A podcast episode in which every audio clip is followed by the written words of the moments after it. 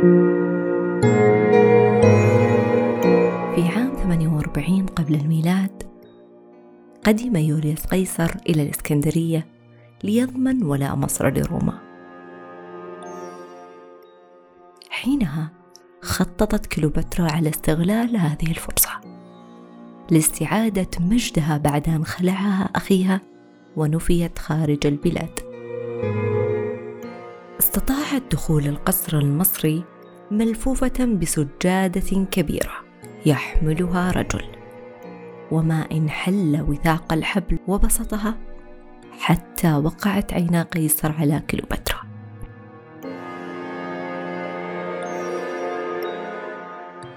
كان لدى قيصر العديد من العشيقات كي يلهين عن شدائد حملاته القاسية. ومع ذلك فلم يكن شيئا على قدر حضرة كليوباترا وفي نفس تلك الليلة أصبحت كليوباترا حبيبة قيصر. كانت حياته معها لعبة دائمة ملأى بالتحديات كالحرب. لأنه في اللحظة التي كان يشعر فيها بالأمان والطمأنينة معها فإنها كانت تنقلب فجأة. وكان يتعين عليه أن يجد طريقة لينال حظوتها من جديد حتى تخلص قيصر من جميع مزاحمي كليوباترا. وأوجد أعذارا ليبقى طويلا في مصر بعيدا عن عرشه في روما.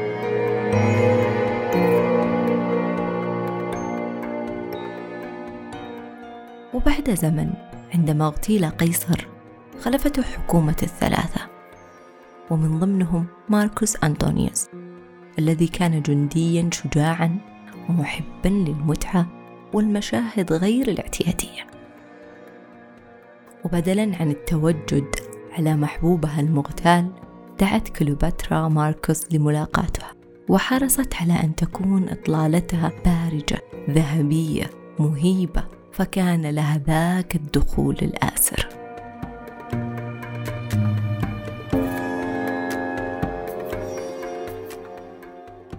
أراد ماركوس أن يهزم هذه المرأة اللامعة المعتدة بذاتها ليثبت عظمته. ولكنه قد أصبح في حقيقة الأمر عبدا لكليوباترا مانحا إياها سلطات هائلة ومتبنيا الزي والعادات المصرية متنكرا لعادات روما. وبهذه الطريقة تدبرت امرأة كانت قد نفيت وقدر عليها أن تموت مبكرا قلب الأمور كلها رأسا على عقب. وتحكم مصر لما يقارب العشرين عاما. كليوباترا أشهر شخصية نسائية تاريخية. استغلت عواطف من حولها لتحقق أهدافها الشخصية. متجاهلة خسائرهم الفادحة ومن المؤسف أن تكوني ضحية استغلال عاطفي. لذا قد يهمك أن تكملي الحلقة. الجزء الحتمي من الحياة هو موضوع العلاقات. وفي أي علاقة تكشف كل منا عن مجموعة من الانفعالات. مخزوننا من الاستياء والندم وعدم الثقة والخوف وهي نقاط الضعف الخاصة بنا. جروح تؤلمنا حين تنكى حينما يفكر شخص ما باستخدام نقاط ضعفنا ضدنا أو استغلال محبتنا له لتحقيق رغباته التي قد لا نوافق عليها عادة أو إشعارنا بالذنب لأننا لم نرتقي إلى المستوى الذي صنعه خياله لنا فهذا عبء نفسي. قد يجبرنا على اختيارات لا تشبهنا. عادة النفس ميالة إلى الانتماء وموالاة الجماعة ونيل استحسانهم. تخشى الرفض وتخاف أن تغضب أحدهم فتنفى إلى مكان قصير. ولهذا يتفق العلماء على أن ما أخذ من الحقوق بسيف الحياء فهو حرام. ويسمي النفسيون هذا وأنواعه بالابتزاز العاطفي. لكن عندما ننسلخ من الشك في أنفسنا ونوالي كياننا فلن نتخذ قرارا ما حيينا استنادا لمعايير غيرنا. وسنكون أكثر التصاقا بحقيقتنا. فمثل هذا النزاع في العلاقات لا يقوم على طرف واحد. ولذا فأيا كان موقفك الآن في علاقاتك فإنك لعبت دورا كبيرا في إحداثه. مع كل تجربة وردة فعل كنت تختارين موقعك.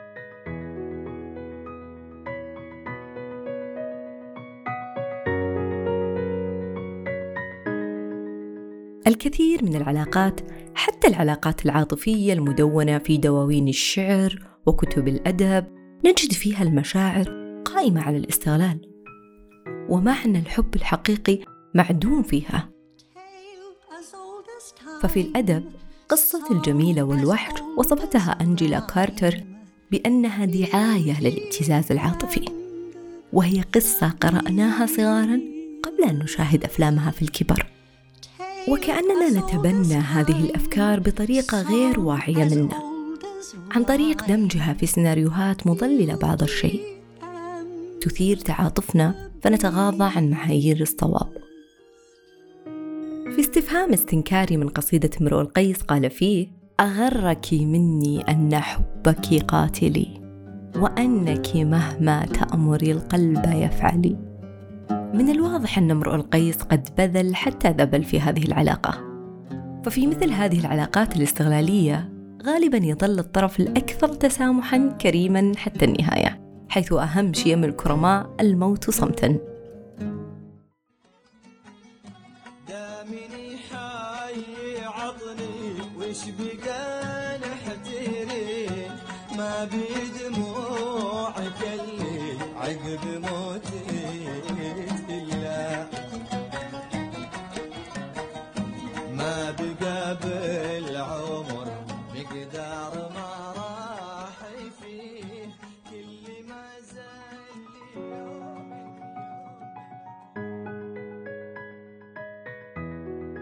يجهل بعض الناس أن الحياة أخذ وعطاء ولهذا تفشل علاقاتهم الإنسانية عموما وعلاقاتهم العاطفية على وجه الخصوص.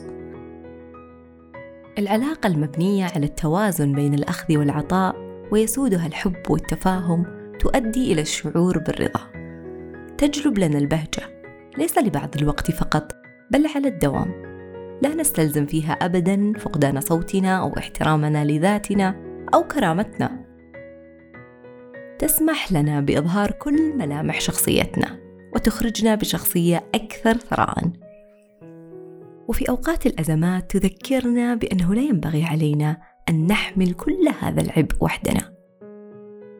نشعر فيها أننا لم نخلق لنتضاءل وإنما خلقنا لنكون أكثر ازدهارا لنكون أكثر إشراقا وأكثر تفردا. علاقة تسمح لنا أن نكون أحرارا وفي أن يكون لنا خيار.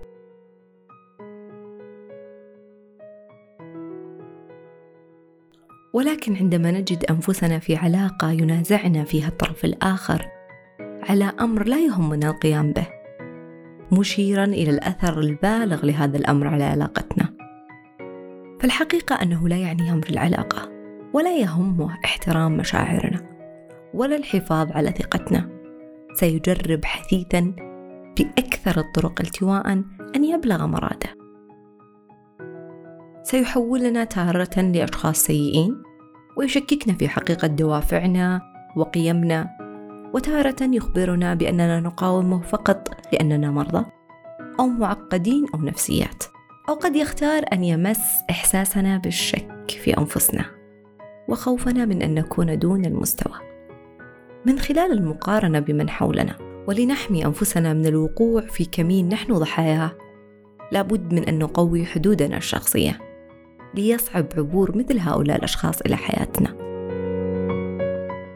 لعل أجمل ما استغل عاطفيا هو خطأ العقاد عندما سألته مي زيادة في رسالة لماذا تكتب لي أنت بالياء وليس أنت بكسر التاء فأجابها يعز علي كسرك حتى في اللغة. تساءل اللغويون أهو خطأ في الكتابة استغله العقاد عاطفيا؟ أم أنه كان ممن يرون أن كتابتها بهذا الشكل صحيحة؟ ولكنه أيضا استغل ذلك عاطفيا. ولكن في كلا الأمرين كانت هذه أرق صورة من صور الاستغلال.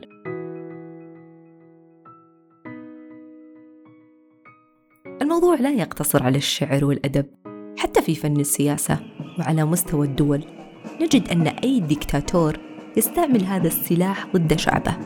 ميكافيلي الملقب بشيطان السياسة ألف كتاب الأمير الذي يعتبر دليل للسياسيين على استخدام المكر وعدم الرحمة للوصول إلى أهدافهم ومما كتب فيه بما أن الخوف والحب من الصعب أن يجتمعا سويا إذا كان علينا الاختيار بينهما فالأكثر أمانا أن يخافوا منك على أن يحبوك. الدجل الديني الذي طغى في زمن الصحوة اعتمد كل الاعتماد على تدني مستوى الوعي والاستغلال العاطفي. وبراعة الدجال اللغوية في إقناع الجموع أن مخالفتهم له يعني شذوذهم عن الصواب ونتيجة لذلك سيعاديهم المجتمع حتى يعودوا إلى رشدهم. وحتى لا نبحر بعيدا فالمثل الشعبي الذي نقوله من باب العادة لجل عين تكرم مدينة من مقولات الاستغلال العاطفي لتفعل شيئا لا يقنعك وضد رغبتك حتى ترضي الآخر. محاولات إجبارنا لفعل ما لا نريد لن تميتنا ولكنها ستفقدنا حقيقتنا. سنتقزم تدريجيا مثل دمية المتريوشكا تلك الدمية الخشبية الروسية التي تحمل في جوفها أحجام متناقصة. حتى تنتهي بتلك النسخة الأصغر من أصلها؟ نسخة لا تشبه اتساعنا القديم وامتلاءنا بذاتنا رغم تطابق الأشباه الخارجية.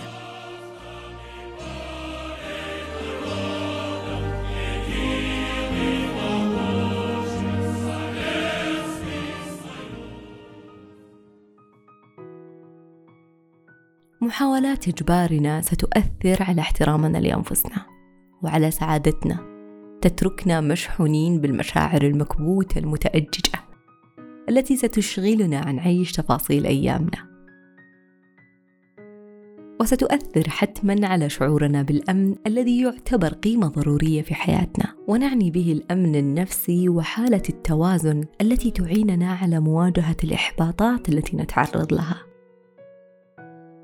وإذا كنا في علاقة عاطفية سنصبح حذرين ونخفي الكثير عن شريكنا ونكف عن الثقة بأنه سيهتم بمشاعرنا أو يفكر في مصلحتنا وتكون الحميمية هي الضحية.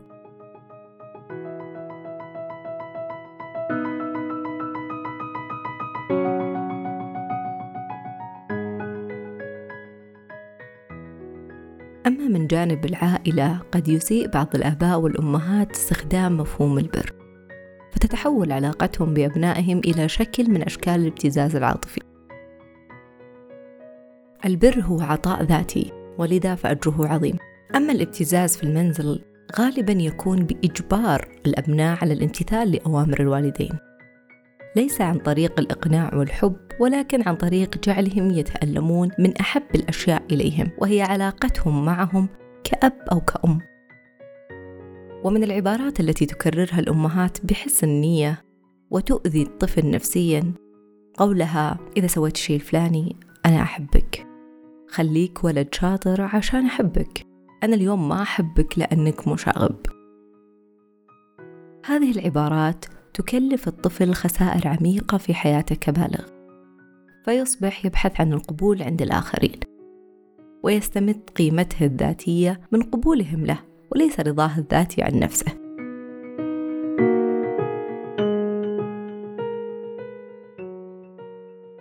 لكن لعل أكبر خسارة عندما نستسلم للموافقة على رغبات الآخرين خشية فقدانهم والتنازل عن رغباتنا وأحلامنا لأنفسنا هي فوات الكثير من التجارب والفرص وتقزمنا لنوافق سقف طموحاتهم من هذه الحياة. وعندما نتنازل مرة تلو الأخرى فإننا نؤكد للمستغل أنه بإمكانه تكرار ما فعله. التنازل المبالغ فيه لا يعني أننا أشخاص طيبون القلب بالضرورة ولكنه قد يدل على أننا لا نحب أنفسنا. وتسامحنا مع من يؤذينا باستمرار يعني سماحنا للأذى بأن يتكرر. لذا ربما علينا تصديق أنفسنا حينما نشعر بوجود ما يريب فالإنسان يميز الخطأ ببداهة ولكنه يقرر طوعا أن يشيح النظر حتى يجد نفسه أمام خيارات لا يطيقها. لا توجد علاقة خالية من الخلاف والاختلاف ولكن لا تتمسكي بعلاقات آيلة للسقوط واجهي الحقائق ولا تتستري على أخطاء فادحة مطيلة بذلك أمد العذاب على نفسك. ضعي حدا للأنماط المؤذية التي لم تعد تفيدك. فترات التشافي وإن طالت دائما يسيرة. انتزعي نفسك من هذه العلاقات واصنعي لنفسك شرف الرحيل.